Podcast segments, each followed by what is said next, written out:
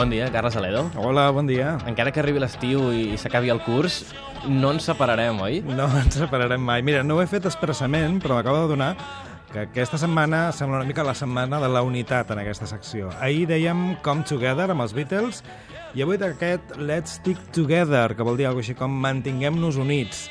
Sembla més aviat un missatge de la Merkel sobre l'euro que no pas un tema de l'any 62, que és el que és. Per tant, la Unió Europea, en aquell moment, em sembla que encara anava amb bolquers. Almenys, encara estàvem tots barallats. Sí, I Alemanya sí, sí. encara més. No era ni un embrió.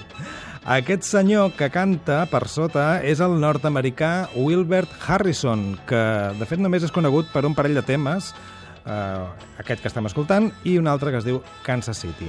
A la gravació, ell ho toca tot. Canta, toca l'harmònica, la guitarra i la percussió. Per tant, difícil d'interpretar en directe ell solet. Home orquestra, oi? Home orquestra estan total. acostumats, no ho feia el Dylan, de portar aquella mega ortodòncia Sí, per l'harmònica. La veritat és que, eh, bé, segur que us sona més que la versió original que estem escoltant, la que ens porta Brian Ferry, que el que va ser el líder del Roxy Music, i ell sí que no fa d'home orquestra aquí, eh? Versionant la cançó Let's Stick Together. Adéu.